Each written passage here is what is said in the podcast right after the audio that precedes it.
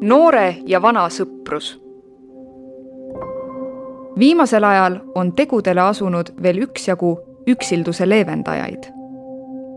lisaks seltsilistele ja hooldekodudes seltsiks käivatele Communicare'i vabatahtlikele tegutsevad abitajad, jututajad ja heaolumeistrid.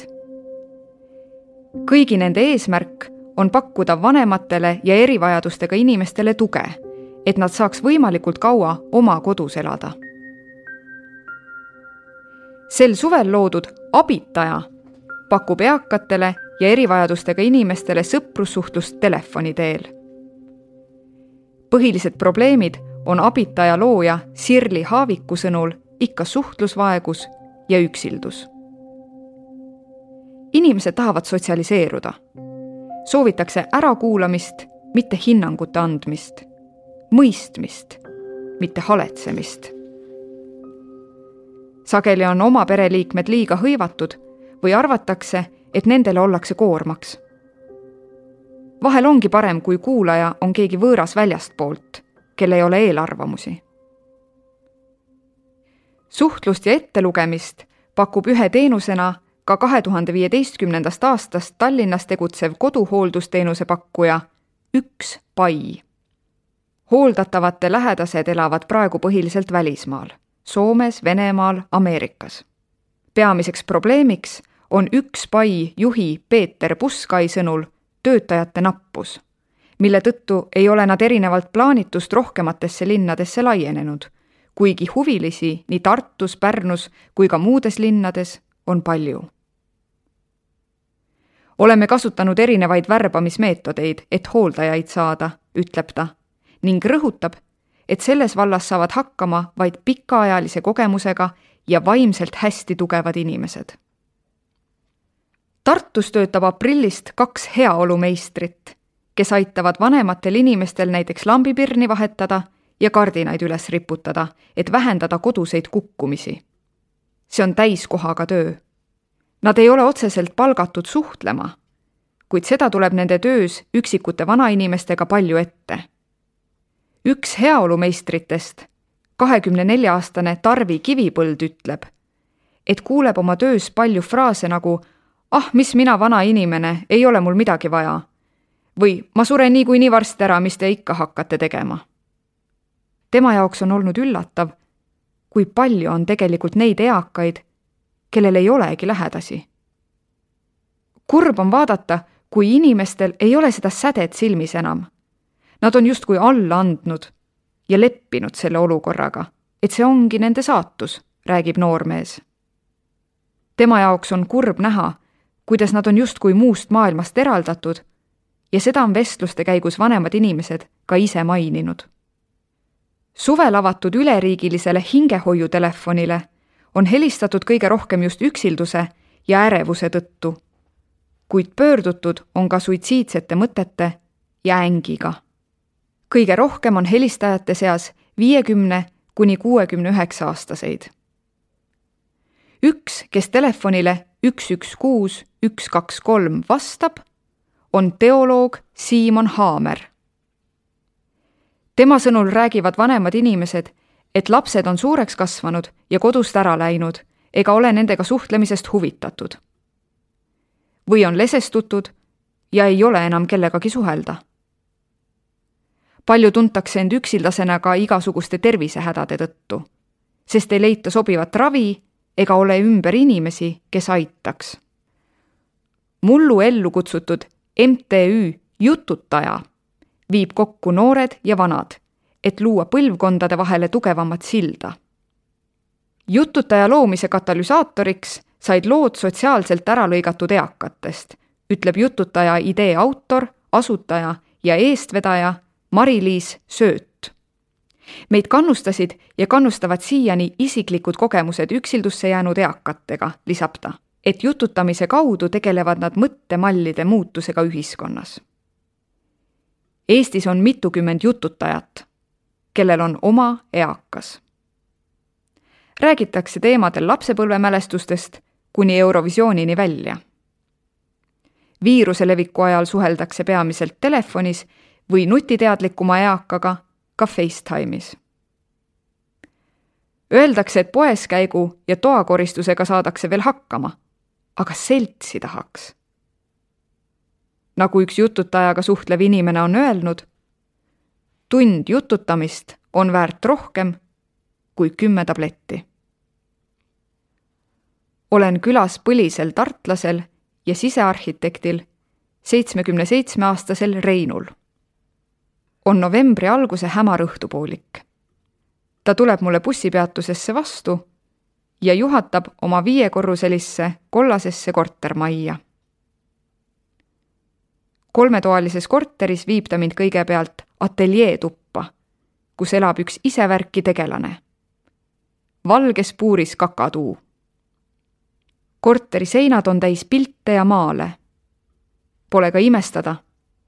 Rein on suur ajaloo ja kunstihuviline ning teeb ka ise veel vahepeal akvarelle.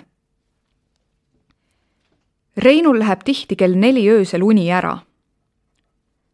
vahel liigub ta siis unisel sammul magamistoast elutuppa ja mõtiskleb oma lemmiktugitoolis istudes olnu üle. vahel oleks ta unise peaga justkui mingit häält kuulnud. peatub korra koridoris, kallutab end pisut välisukse poole ja kuulatab. Esimene mõte on ehk tuli ta tagasi. naine ütles ühel õhtul, kaks päeva enne jõule, et hommikul ta läheb. et mina ei ole süüdi, aga tema peab nüüd minema ja üksi olema. arvasin, et see on nali, räägib Rein, kui oleme end elutuppa sisse seadnud. hommikul naine aga läkski, jättes selja taha kaheksateist aastat kooselu kohe on möödas aasta, kuid Reinul on sellega endiselt raske leppida. ta istub suure uhke Nikolai Kuuli maali all, kus on kujutatud teda ennast noorena tuhande üheksasaja seitsmekümne neljandal aastal. kõigi nende maalide ja piltidega seintel meenub Reinule mõni kallis mälestus. elutuba on väga korras ja puhas. põrandat katab sinine vaip päikese ja kuuga ning sellel lebab suur mängutiiger. nurgas on telekas ja plaatide virn. suur kapp on täis kingiks saadud alkoholi, kuid eriline napsumees ta ei ole. Rein suhtleb tihti oma Ameerikas elava tütrega ja käis tal varem ka mitme kuu kaupa külas. ta on aktiivne, tervis on korras, suvel alles osales Arvamusfestivali paneelis kus arutati eakate digipädevuse üle. Rein on kindlasti näide väga nutiteadlikust eakast. ka meie kohtumise ajal võtab ta nutitelefoni tihti kätte, näitab pilte ja lõpus teeme koos selfie. ilma selleta ei oska ma enam ollagi, naerab ta. ta liigub autoga, peab korras Luunja kandis asuvat suvilat ja vahel satub seenioride klubisse kuid sealt ei ole ta mõttekaaslasi leidnud. oleks, et tervis peaks veel kümme või viisteist aastat vastu ja oleks, kellega suhelda, räägib Rein oma unistustest. eelmised jõulud olid üksi väga rasked. kohe on käes järgmised, mis tuleb ilmselt jälle üksi veeta kevadest saadik on talle aga lapselapse eest kahekümne kolme aastane Tallinnas sotsiaaltööd õppiv Hanna-Grete, kes on jututaja korra kohtusid nad ka Tartus, käisid ERMis, Jaani kirikus ja botaanikaaias. Rein on talle vanaisa eest. Nad räägivad igal nädalal korra Facetime'is, tavaliselt tunni või kahe kaupa. suvel osalesin nende vestluses ka mina. lihtsalt sellepärast, et saada aimu, millest nad omavahel räägivad. iga kord alustavad nad videokõnet tervitusega ja räägivad möödunud nädalast jutt läheb alati kiiresti minevikku Reinu töökohtadele ja seiklustele. näiteks ühes vestluses meenub Reinule aeg, kui ta oli Tuglase matusel auvalves. või ETV-st jooksev ENSV. see kõik on temal üle elatud ja ta vaatab seda hoopis teise pilguga kui noored. ja oh hullu, talle on mesilasparv kallale tulnud. kaheksateist nõelamiskohta ja üks suskamine otse ninaauku. Hanna-Grete kuulab ja kirjutab kogu jutu üles, et saata see Reinu tütrele, mälestusi on ta kirja pannud juba kuuekümne lehekülje jagu. mina ei uskunud, et mõni noor inimene on nõus minu lugusid kuulama ja nüüd järsku olen siin lausa kahe noore inimesega, alustab Rein üht vestlust kohe eriti rõõmsalt. Osa noori saab jututamise eest taskuraha ja kes soovib oma lähedasele regulaarset jututajat, peaks tunni eest välja käima kaksteist eurot. Hanna-Grete teeb seda aga vabatahtlikult. ka Rein ei pea midagi maksma. Hanna-Gretel on hea meel, et tal on sõber, kellele ta saab abiks olla tema lugude kirjapanemisel ja et on keegi, kellelt nõu küsida. tal on endal ka vanaemad ja vanaisad, kuid Rein vaatab asju teisest küljest, sõbra pilguga. üksildus tuleb millest? sellest, et ei ole kas üldse või ei ole piisavalt tähenduslikke suhteid inimestega. jututaja on leidnud tähenduslike suhete loomiseks huvitava viisi, ühendades noori ja eakaid, lisab Grete. ja leiab, et äge on just see, et mõlemal on teineteiselt õppida. Eesti filoloogiat tudeeriv kahekümne ühe aastane Johanna Hansing suhtleb kevadest saati kaheksakümne viie aastase Arturiga Nad on suhelnud vaid telefonis, teineteist nägemata. jututajast kuulis ta Ringvaatest ja arvas, et see on suurepärane võimalus saada vanemalt põlvkonnalt elutarkust. Arturi üks tütardest on tööasjus Brüsselis, teise lapsega ta ei suhtle. Omal ajal oli ta sidetöötaja, autojuht, elektrik ja tegi torutöid.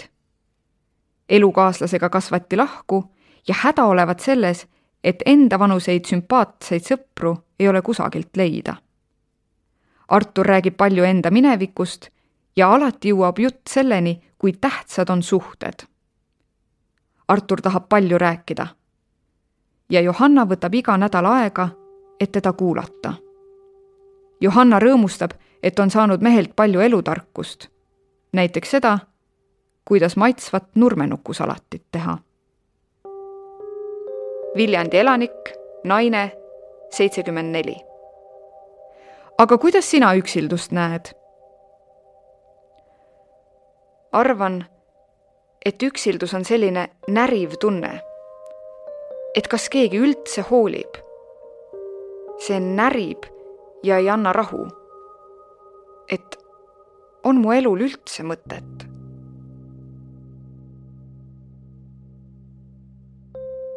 idee eksperdilt üksilduse vastu võitlemiseks. eakate kortermajad oleks üks variant, kus elatakse omaette korterites, aga kõik on ühes majas koos. veel väga levinud on, et kõik elavad omaette.